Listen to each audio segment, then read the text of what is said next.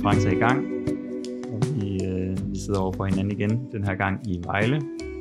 Så hvis, øh, hvis der er en hund eller en baby, der larmer i baggrunden, så er det, så er det bare familiestøj.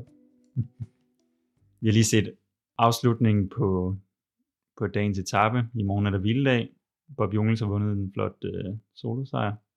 Og øh, vi ender jo altid med at tale mest om klassementet. Og hvad klassementet angår, så skete der ikke vanvittigt meget i dag, udover sådan et sidste lille svirp fra Pogacar. De kører lidt afventende i dag. De prøver ikke så meget af. Hvad synes du, hvad synes du om etappen i dag? Jeg synes, det var en flot etape. Jeg synes, det var en spændende finale med, med Bob Jungens. Fedt at se ham igen med en cykelløb. Og Pinot og jagtende bagved. Og, og så ja, ser vi nogle, nogle, der er jo stort udbrud af sted, men alligevel ser vi nogle mærkelige ting øh, ske. Så det, det, måske er det bare for tidligt i løbet til, at, at det er nemt at blive klog på, hvad der egentlig foregår, øh, hvilke intentioner de forskellige har. Men jeg synes, når det så er sagt, så var etappen, øh, synes jeg, øh, fint spændende øh, omkring etappesejren. Klassemarksmæssigt var det jo bare status quo jævn kikset, kan man sige, fordi at der er ikke nogen, der udnytter noget som helst, selvom både Neos og Jumbo Visma har, har folk ude foran, men så, så følger vi en, et eller andet sted, det er neutraliseret. Og sjovt nok igen, så er Fanart i udbrud. Øh, kører han i udbrud for at vinde etappen, for at få 20 øh, point, eller for at hjælpe øh, Vingegaard og Roglic. Det er jo mm. Ja, det har været en stor diskussion her hele den, den første uge af turen, øh, hvad Van Aerts rolle er, og i hele vores første udsendelse, der talte vi også meget om Van Aert, og lov for det, fordi han, han har jo betydet virkelig meget for løbet indtil nu, og været, været her der alle vegne, og han kører på det hold, som er først udfordret til at slå, slå Pogacar. Vi stillede spørgsmål, om de ville være konsekvente nok i, øh, i deres bestræbelser på at slå ham. Jeg er jo klassementsmand 100%, og, og hvis, hvis du har valgt at skal køre klassement og køre efter at vinde Tour de France, jamen så er der ikke så mange valgmuligheder. Øh, så mener jeg, at øh, så er det første prioriteten hele vejen igennem at køre efter den gule trøje. Og hvad det så indebærer.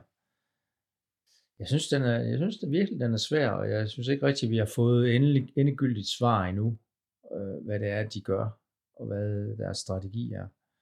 Når det så er sagt også, jamen, Van er jo måske verdens bedste cykelrytter, altså siden af Pogacar. Øh, det han leverer er jo enestående, fremragende, altså det er sublim verdensklasse. Men, men passer det ind i, i et hold, som, som vil køre for at vinde Tour de France? Det er jo det store spørgsmål. Altså, jeg har gået sådan, stillet mig selv det spørgsmål her de seneste dage, det er om, om han passer ind på det hold. Øh, og så alligevel, så tror jeg faktisk godt, han passer ind på det hold. Men problemet er, at det hold, det er ikke et klassementshold. Hvordan det? Altså de sidder jo og Jamen, har... det er mindset. Du har de stærkeste, stærkeste ryttere til ja. at køre klassement. De, de, de er jo forberedt ja. sindssygt godt. De har sindssygt mange virkelig stærke hjælperyttere. De kender jo etaperne, de har forberedt sig hele vejen op til. Hvad, hvad er det, der gør, at de ikke er et klassementshold? Altså, I, I, kørte, I kørte jo også så efter den grønne trøje dengang, at, øh, at du vandt turen. Det ved jeg godt. Sabel, han vandt grøn trøje. Det er jeg godt klar over, men det var måske en anden tid. Øh, det, det er jo ikke, altså, man, alle går og siger, at det er en anden tid i dag, og det er en anden form for cykelløb, der bliver kørt i dag. Øh, fint nok, men jeg er stadigvæk den overbevisning, at, øh, at det ikke er optimalt. Jeg fik det til at fungere, fordi at, at jeg var leder på holdet, og jeg gjorde det, der skulle til for, at, at det så fungerede. Men var det optimalt? Nej, det synes jeg egentlig ikke, det var. Men hvad er det, der skal til for, at det fungerer så? Hvad er det, hvad er det ledelsen på holdet, eller hvad er det Vingegaard og Roglic, de skal gøre, for, at, for at det fungerer? Fordi Jamen, det, er, det er jo et spørgsmål om, hvem det er, der bestemmer. Det er ledelse. Og hvem bestemmer? Du kan ikke udføre ledelse, hvis du ikke bestemmer. det er sådan... Nej, nej, men det er jo også det er jo, det er jo trade-off, fordi at hver gang, at Van Aert, han gør, gør, hvad der passer ham, så bliver han kaldt verdens bedste cykelrytter. Øh, og, og han, han laver jo ting, altså det, og det er jo en del af den diskussion, der har, der har været på det seneste, at om ikke, om ikke det er en skam, at, at så god en cykelrytter ikke skal have lov til at lave historiske præstationer, når han er i stand til det. Men, men, men spørgsmålet er jo ikke, om det er en skam. Spørgsmålet er, om de træffer de rigtige valg i forhold til at vinde turen. Øh, da de svarer så nej. Jamen, der er, jo ikke noget, der er jo ikke noget forkert i det, han gør som sådan, fordi det er jo sådan noget, vi gerne vil se. Men, men spørgsmålet er jo, om, om det går hånd i hånd med at skal køre klassement. Skal køre. En ting er, at klassement kører top 10, en anden ting er at køre for at vinde. Øh, det er jeg ikke sikker på, at det går hånd i hånd. Øh, det kan da være, at de er heldige, at det lykkes alligevel. Men jeg synes bare, at vi ser så mange ting, som, som er underligt i cykelløbet, og den måde, han bruger sin, sin energi på, fordi som jeg har sagt fra starten af, så er Van Aert, han er løbsafgørende, og kan være løbsafgørende i, på rigtig mange etapper. Hvis det så viser sig den dag, at han skal være løbsafgørende, men har, han har ikke lige benene, fordi han, øh, han lagde nogle tændstikker på øh, 6., 7. eller 8. eller 9. etape, I don't know, som, som han så mangler den dag, han skal gøre forskellen for Vingegaard eller Roglic, eller hvem det nu er. Øh, det synes jeg vil være super ærgerligt. Det er da også, at vi ikke kommer til at se det, men jeg har på fornemmelsen, at vi kommer til at se det. Altså, og det kan jo godt ske, at, og det er sådan noget, jeg, jeg går i mit egen lille mindset hele tiden, ikke? at det kan jo godt ske, at, at øh, man får succes, succes og så videre, men har man, øh, har man øh, forsøgt at udnytte det fulde potentiale, det er jo to vidt forskellige ting. Og øh, det er jo sådan noget, jeg går og kigger på. Ikke? Øh, men hvad skal der så til for at udnytte det potentiale, og hvordan er det, han kan være løbsafgørende? Fordi jo, selvfølgelig kan han jo være løbsafgørende i den forstand, at, at hvis han skal køre efter etappesejre, jamen så, så sørger de for at holde tingene samlet nok til, at Pogacar han også kan tage bonussekunder fra Vingegaard til sidst, og det, det har jo håbet sig en lille smule op nu. Nå, ja, men, men han har jo også, han har også sådan set også spillet en vigtig rolle på Roubaix-etappen, og han er den, der, der ligesom fik det hele bragt tilbage, og, og ja, stort set elimineret den skade, som Pogacar ellers lige havde forvoldet. Ikke? Så han, han er, jo, han, han, han er der jo også forholdet, når det, når det brænder på, ikke? Øhm. oh, men det kan du jo ikke sige hver gang. Øh, det mener jeg ikke, fordi at, altså lad os nu sige, at etappen i dag for eksempel, har været en hård afslutning, og de har kunne, eller næst sidste stigning var hårdere, og så de, de angreb, lad os sige, at Roglic angriber, og får slået et hul, øh, så kunne han jo have spillet en vigtig rolle men det, det gør han ikke. Men hvis vi så skal kigge lidt mere på, hvordan det er, han skal være, skal være løbsafgørende, du er jo lidt inde på det nu. Hvad er det, han kan bidrage med for at, at få testet Pogacar af på en måde, som, som Vingegaard og Roglic ikke kan alene, og som resten af deres hold ikke kan? Jeg mener, han skal sidde ude i det udbrud, ligesom, ligesom han også gjorde i dag. Og øh, så, skal de, så skal de angribe tidligt. Og så tidligt, at øh, Pogacar ikke synes, at han skal køre med. Og det er ikke Vingegaard, der skal angribe først. Det må være, det må være hvad hedder han, Roglic med en Sepkus eller en, en Kreuzvig. En af de to. Umiddelbart vil jeg prøve med Kreuzvig først. Men han skal ikke gøre det alene, men han skal, han skal måske lige sende Kreuzvig ud først, og så, og så støde op til ham, og så skal de give den gas. Og så oven på stigningen, den, der, der skal han så kunne være der, øh, Fanart, til at, at kan tage den øh, på nedkørslen og et dalstykke indtil den sidste stigning eventuelt. Det, det mener jeg er måden at gøre det på. De skal ikke sidde og vente til den sidste stigning hver eneste gang, fordi jeg tror ikke, det er der, de gør forskellen. Men hvad er fordelen så, hvis, hvis Pogacar kører med der alligevel, og de når hen til sidste stigning med ham på hjul? Hvad, hvad er det så? Jamen, så har de måske testet ham af. Det vil sige, at der er forskel på at køre tempo op over alle stigningerne, og så, øh, og, og så fuld skrald den sidste halve time. Det er sådan en nøgen måde at køre det på. Jeg har ikke set endnu, at de har testet øh, Pogacar af på næst sidste stigninger endnu, heller ikke de andre år. Øhm, og det synes jeg kunne være interessant at prøve ham af. Sige, okay, hvis vi kører ham på limit på næst sidste stigning, hvordan vil han så have det, når Vingegaard han rykker på den sidste stigning? Fordi så er det ikke sikkert, at han er så eksplosiv, som han er lige i øjeblikket. Fordi det vi ser i øjeblikket, vi har set på etaperne indtil nu, det er jo, at, vi, at, at, at de kører alle sammen Pogacars cykelløb. Tempo, og så er han så eksplosiv, og så kører han til sidst.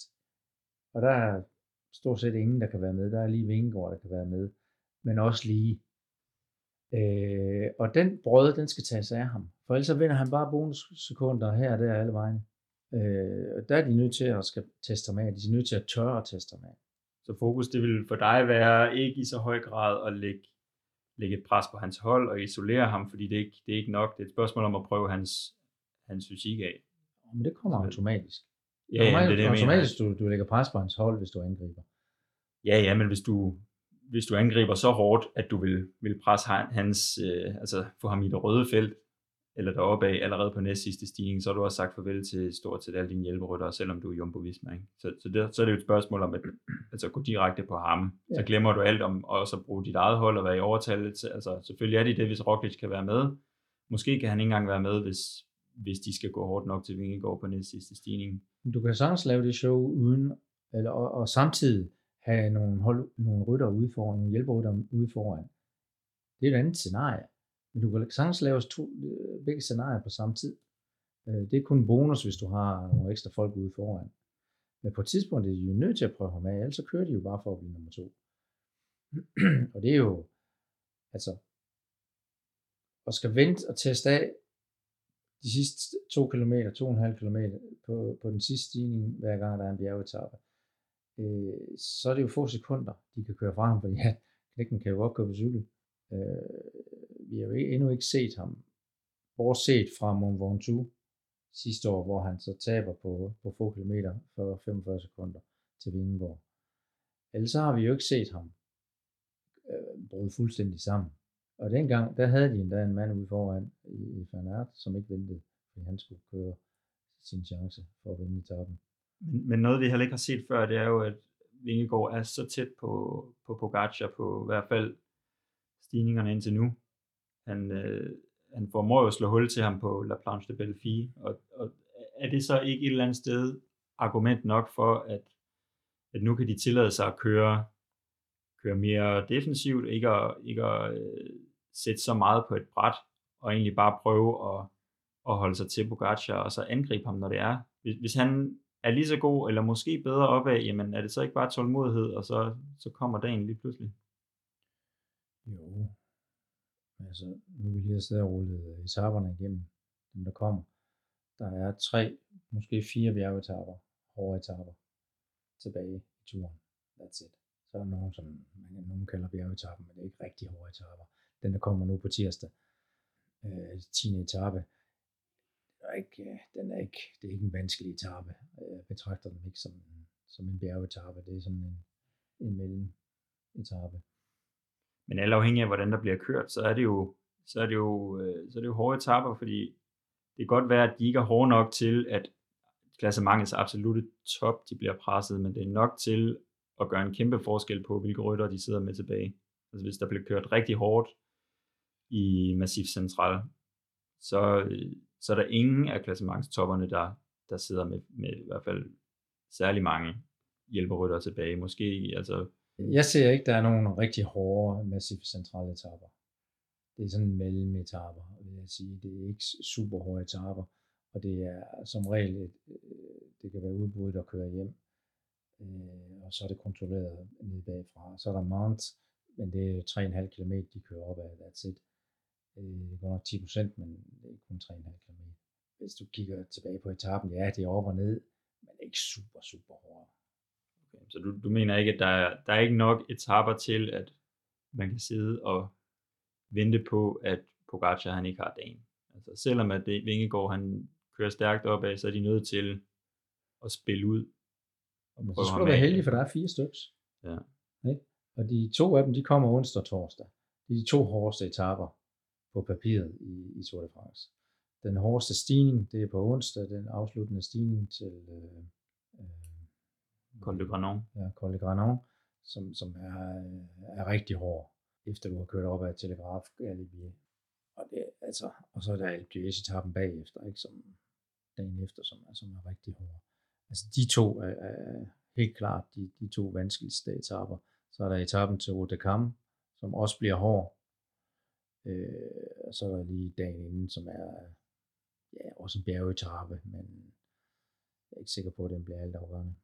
Hvis du lige overtager mikrofonen i holdbussen, øh, og vi skruer frem til, til onsdag, inden, inden etappen hos Jumbo Visma, hvad, hvad, hvad er planen så? De skal over en kategori 2 stigning, så skal de over Telegraf, som er kategori 1, Galibier, og så slutter de på Col du Granon, som du siger den hårdeste, hårdeste stigning i løbet. Der er en ret lang nedkørsel fra Galibier til starten af Granon. Hvor vil du, hvor vil du sætte ind, hvis du skulle følge op på, på det, du har siddet og sagt nu? Øh, hvis du har Jumbo Vismas hold, en Roglic, som måske ikke er helt lige så stærk som Vingegaard, men, men det kan ikke rigtig siges. Hvordan vil du disponere dagen? Nu er det sådan lidt specielt, der kommer jo en øh, bonusspurt efter, efter 16 km, som måske kan, kan bruges til, til et eller andet øh, sjovt. Øh, fordi at man siger, okay, vi vil gerne have den og den i udbrud, og øh, det kan blive måske lidt svært, ikke? Fordi at de tænker, okay, Fanat skal vi ikke have udbrud, fordi at øh, ham vil ikke have udbrud.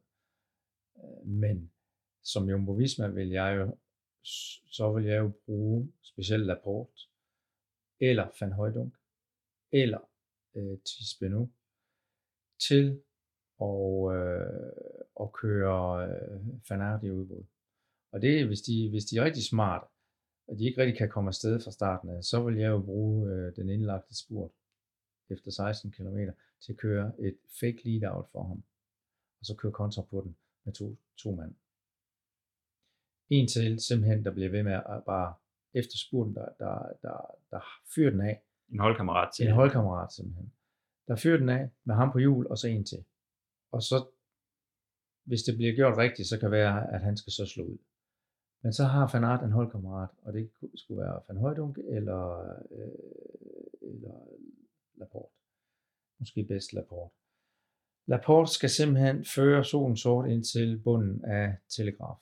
Så Fanart bruger så få kræfter som muligt, men sidder derude.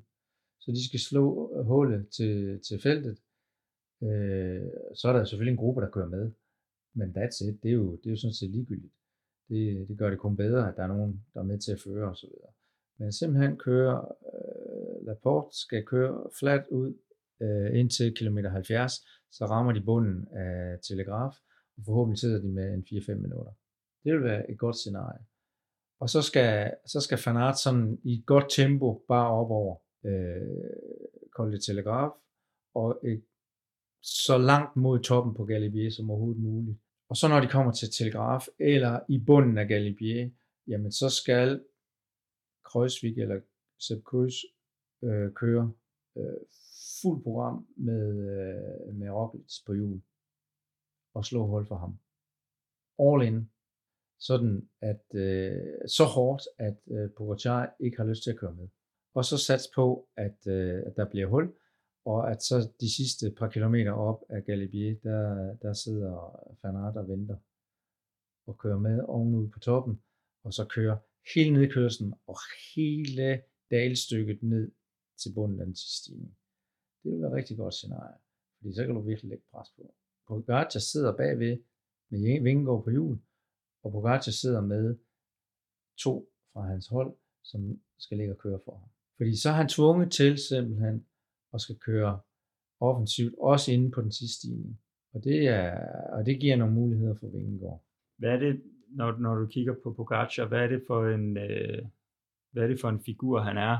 I mange år så har vi jo haft en, en Armstrong for eksempel, som har været meget, han har kørt et meget psykologisk spil på sine, sine konkurrenter. Ikke? Han, han har ligesom formået at dominere dem på en måde, som, ja, som man ikke rigtig har set siden. Øh, lige nu ser det ud til, at de er ret gode venner alle sammen, og de krammer efter stregen, og ønsker hinanden til lykke, og, og det, det er jo... Jeg har aldrig set Armstrong kramme nogen som helst. Jeg har aldrig set ham snakke med nogen som helst.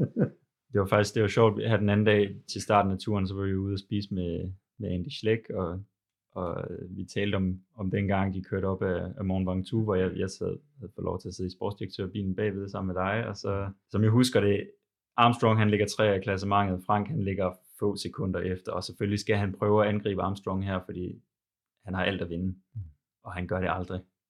Og vi kommer op i bussen, og du spørger Frank øh, noget i retning af, hvad, hvad så, hvad sker der? Og Frank han fortæller, jamen, Lance begynder at snakke med mig, og vi spørger sådan, jamen, hvad snakker I om? Altså, vi kører op på Mont 2, du skal angribe.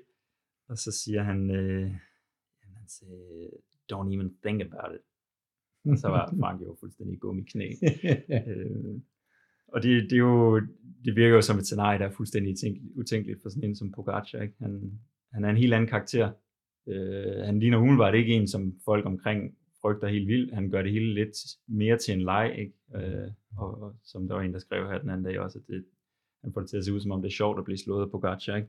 Hvad er det for, hvad, hvad, hvad er det for en situation, øh, man står i over for sådan en som ham? Altså, skal, skal de prøve at tire ham lidt, eller, eller hvordan? Er det bare benene, der snakker, eller? Nå, jamen, altså, nu snakker vi lige om mindset. Det er jo et helt andet mindset. Og, men så ikke fornægte, altså, Pogacar er jo, er jo en sød rar fyr. Men øh, når det kommer til stykket, så er han jo, så er han jo benhård, så er han jo, så er han jo, altså, vi så jo den anden dag, da han vinder på Place de 4, ikke, hvor Vingård laver det afgørende hug, et, vildt slangehug, som i fleste tilfælde, der, der kommer du ikke, den kommer du ikke igen på. Det kan godt ske, at du holder jul på Vingård, men Vingård vinder den.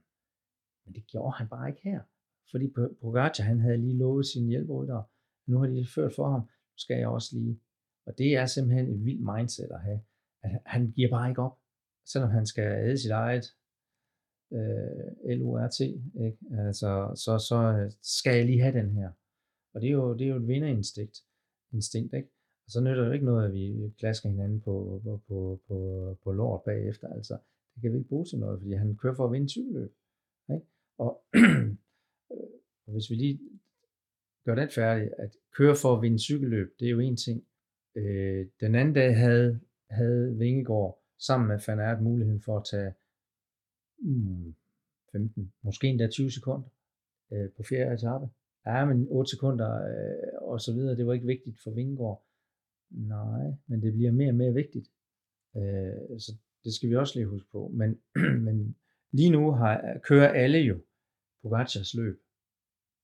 Fordi der er ikke nogen, der er bedre afslutter, end han er af klassementsfolket, når det kommer til de sidste få hundrede meter opad. For han har den der eksplosivitet, som, som er helt uhyggelig. Og, og kommer de hjem til det, jamen så har de nok at gøre med, altså de skal være glade, hvis de kan holde hans hjul. Så det igen med Vingård, han har nok at gøre bare at holde hans hjul. Og det er jo ikke måden at køre ham på, fordi så tager han sekunder hele tiden. Det kan godt ske, at det kun er 4 sekunder, men 4 her, 5 der, 9 der, 8 der, det giver jo den sidste, altså. Og et psykologisk overtag, ikke? Han er jo ikke kørt fra Vingegaard op ad stigningerne endnu, og alligevel så har han overtaget, ikke? fordi han, han får lov til at styre løbet. Fuldstændig. Så indtil videre, og så, så kører det jo hans cykeløb. Og så kommer tilbage til, hvordan skal han så slås? Hvordan, hvordan skal han angribes? Men det er de jo nødt til at gå ud og teste. De er jo nødt til at sætte nogle scenarier op, så de går ud og tester ham. Og jo længere tid der går, vi siger, ah, men også, og nu skal vi også lige vente, og så videre. Det, jeg tror, der er sket indtil nu, nu har vi jo ikke rigtig haft en bjergetappe endnu, trods alt. Det er sådan en halv bjergetapper, vi har kørt. Det er ikke rigtig hårde bjerge, de har kørt indtil nu. Men som jeg lige ser det, fordi jeg vil jo også gerne se det her, og grunden til, jeg tror, at der er en god grund til, at de ikke har prøvet at angribe ham endnu, det er for det første, Roglic er svag på grund af hans styrt. Så han ligger en hemsko på deres offensive strategi. Er det det samme, der sker for Ineos? Fordi de har jo også folk ude i dag, og så videre, Castelviejo og så videre. Øh, er de sådan lidt, er Yates sådan lidt, la la, og hvad hedder han, Gavin Thomas skal måske lige have en lille smule mere moral, inden vi går i offensiven. Øh, Gavin Thomas er måske ikke den, der går i offensiven, men det har de tænkt sig, at skulle bruge nogle af de andre til men de hænger lidt i bremsen, så derfor tør de ikke at gå i offensiven. Altså tit så er det jo sådan nogle scenarier, der er, altså det har jeg også haft på mit eget hold i tidens løb, hvor at jeg har, vil gerne en strategi, men så begynder rytterne at tvivle på sig selv, og så bliver de passive. Og det er jo tit det, der, der sker i, i Tour de France eller i, i, i Grand Tours. Det er, de begynder at tvivle for, øh, på sig selv, og så bliver de passive, fordi at ah, men vi vil hellere køre safe, end at risikere. Og det kan jo gå hen og blive øh, Vingegaards bagdel, hvis de for længe kører og tænker sådan. For på et tidspunkt, så er de nødt til at risikere Roglic.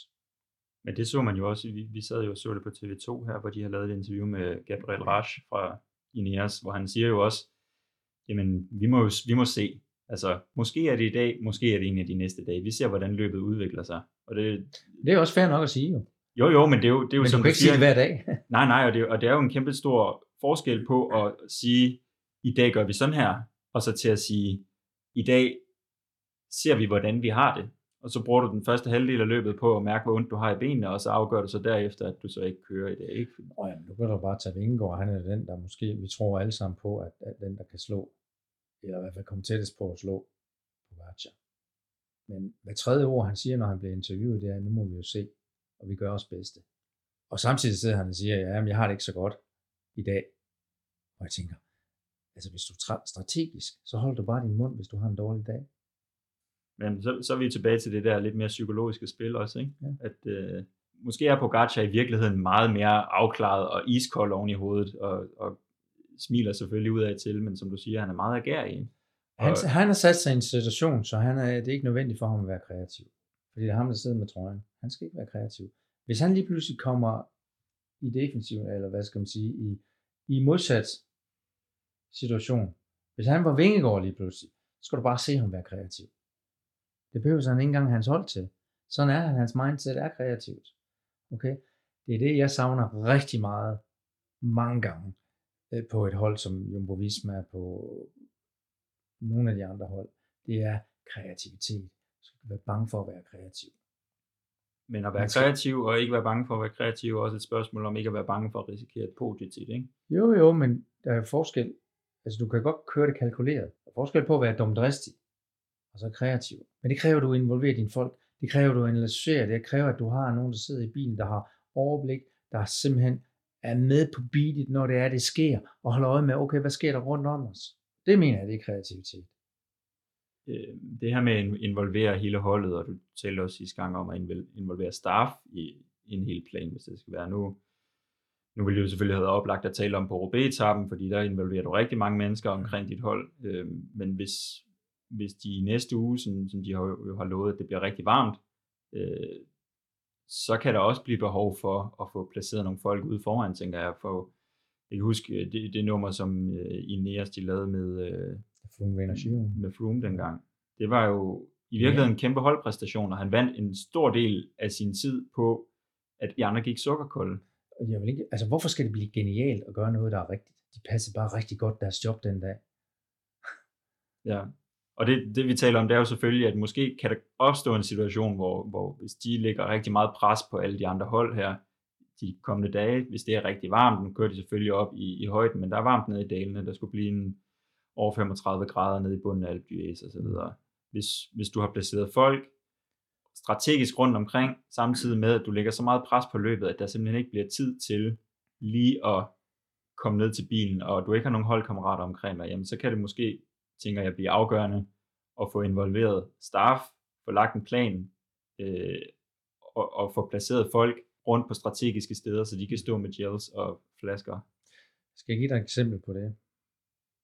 Da Carlos vinder øh, på Alpe d'Huez i 2008, Carlos Astra, der, havde vi, øh, der kører vi op øh, faktisk en etape, der er meget tilsvarende den, vi skal køre, i hvert fald afslutte de sidste to bjerge, den de skal køre på torsdag. Øh, så kører vi op på Croix de Fer, og jeg øh, vidste, der var et mellemstykke. Vi havde rekognosceret det hele, og havde sørget for i god tid, vi sad med trøjen, med, med Frank Slæk, og jeg har sørget for i god tid, at vi havde folk de rigtige steder, så de fik flasker, og har været folk ned og hente flasker på et, et strategisk godt tidspunkt. Øh, vi sidder og, og fører, fordi vi har trøjen, så kontrollerer løbet der, så vi kontrollerer tempoet i feltet. Så har jeg planlagt, okay, på det tidspunkt sætter vi lige farten lidt ned, hurtigt ned til bilerne og hente flasker. Og i og med, at vi kommer rigtig hurtigt og frem igen, ned og hente flasker, tænker de andre folk, øh, okay, de er nede og hente flasker, så vi henter også flasker nu. Jeg har så sørget for, at Fabian var blevet fremme foran i feltet, og sidder og fører tempoet. Og på det tidspunkt, hvor at vi er faktisk allerede kommet tilbage helt til top i, i front af, af feltet med flasker, der altså ligger de andre råd rundt med flasker nede i bilerne. Og så siger jeg over radioen, så Fabian, nu øger vi lige tempoet. Og så øgede vi lige tempoet en tand. Så alle dem, der var nede i bilen, de kom aldrig frem med flasker på det tidspunkt. Det er strategisk. Så måske også en ting, der er med til at gøre en forskel på den sidste stigning, at der var lige nogen, der havde mistet, der havde en flaske mindre. I dag bruger man meget mere at have folk ude på ruten til at stå med flasker. Men det er jo ikke ens betydning med, at man ikke kan bruge situationerne også. Mm. Ja, men det kræver måske også et psykologisk overtag, at du er det hold, som hvis I går ned og henter flasker, så tænker de andre, okay, så gør vi også. Ikke? Det, det siger jo også noget om, om den situation, I allerede har fået sat jer i der. Ikke? Øh, der er måske ikke rigtig nogen hold, der overhovedet er kommet i den situation endnu, i hvert fald. Øhm. Nej, men strategi er jo mange ting. Mm. Nogle gange er det ting, du ikke ser.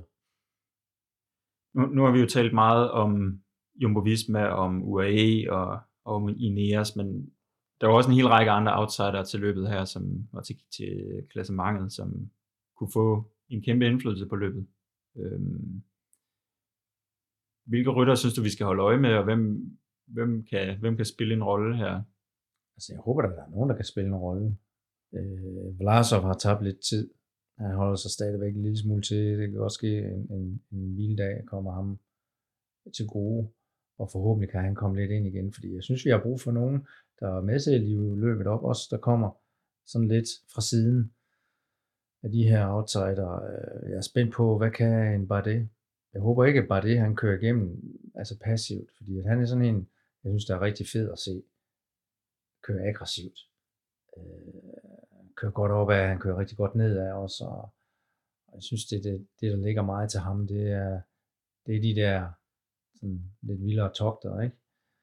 Quintana har også kørt godt, ikke? Quintana har kørt godt indtil nu, men kan han være med, når rigtig, rigtig bjerg kommer? Hvor meget tør de risikere? Fordi, altså, kan Quintana køre top 8 for eksempel, er hans hold så bare super glad for det, og de er tilfredse med det? Eller ser vi en Quintana, som går ud og laver noget, som, som er mega spændende, mm. som det vi gerne vil se fra ham. Man kan sige lige nu, der ligger både ham og Bardet jo inden for halvandet minut eller sådan noget, jeg kan ikke huske det. Men rimelig tæt på, ikke? Og de har også begge to lavet topresultater i turen. Mm. De er nok rimelig ligeglade med at risikere et podie et eller andet sted, fordi de, vil, de, de, de er villige til at sætte noget på spil, forestiller jeg mig, i forhold til, man ser jo tit, hvis, hvis, øh, hvis et hold i klassementet har to mand, der lægger til, og de sender den ene afsted, jamen så ender det med, at Movistar og alle de andre rødder, de sidder og lukker det hele, ikke? fordi så er der lige pludselig, så bliver de truet, og så, så eliminerer de det pres, som, som man har lagt på klassementstoppen. Ikke? Og det, det, der tænker jeg bare med, med typer som Bardet og Quintana, som måske i højere grad er villige til at sætte noget på spil. De vil, de vil både ture køre ud, men de vil måske heller ikke have et hold, der vil lukke det ned, hvis, hvis det er. De har måske lidt mere is i maven. Ja, absolut. Jeg synes, det ville være fedt at sætte, uh, sætte noget på spil. Hvad med Gordy? Ham har vi slet ikke set. Han mm. sidder der, mm. men han er jo ikke den, der har brugt de vildeste kræfter. Han måske i bund og grund ham, der er mest intelligent. Fordi det er der noget, jeg har sådan spekuleret over de sidste dage. Fordi at topklassementsfolk, altså det vil jo sige Pogacar og Vingegaard specielt, de har jo kørt og spurtet og gjort ved og, og så videre. Så er der jo dem, der egentlig bare har fulgt med under radaren. Jeg synes da, og det kan da være, at det er det, der er det, det rigtige at gøre. Spare lidt på, på top, top end, øh, og, og så øh, gem det til, til når de, de lange og hårde bjerge kommer. Der kunne måske også opstå nogle alliancer, ikke? Jumbo Visma og Ineos er de for store konkurrenter til at kunne lave alliancer i den uge, der kommer nu? De, de kan kun lave alliancer, jeg vil ikke sige det er udelukket, men, men normalt så synes jeg ikke, at det er det, vi har behov for at se, men, men de kan kun lave alliancer, hvis en Roglic kører med Adam Yates, eller jeg tror sgu ikke, de lader Garen Thomas køre. Ikke endnu. Men en Adam Yates, øh, måske, så, så kan de, øh, vil jeg sige, have, have en alliance der. Eller hvis, ja, Vingård kommer afsted med Garen Thomas. Men altså, Vingård kører jo ikke nogen steder uden, uden Pogacar, medmindre at han sætter Pogacar. Der er meget at holde øje med. Men øh, det er også nogle, nogle dybe lænestole, vi sidder i her, så vi kan jo overskue det hele. Men øh, det bliver spændende. Synes, øh, vi runder af her. Jeg håber, I har lidt glæde af at lytte med.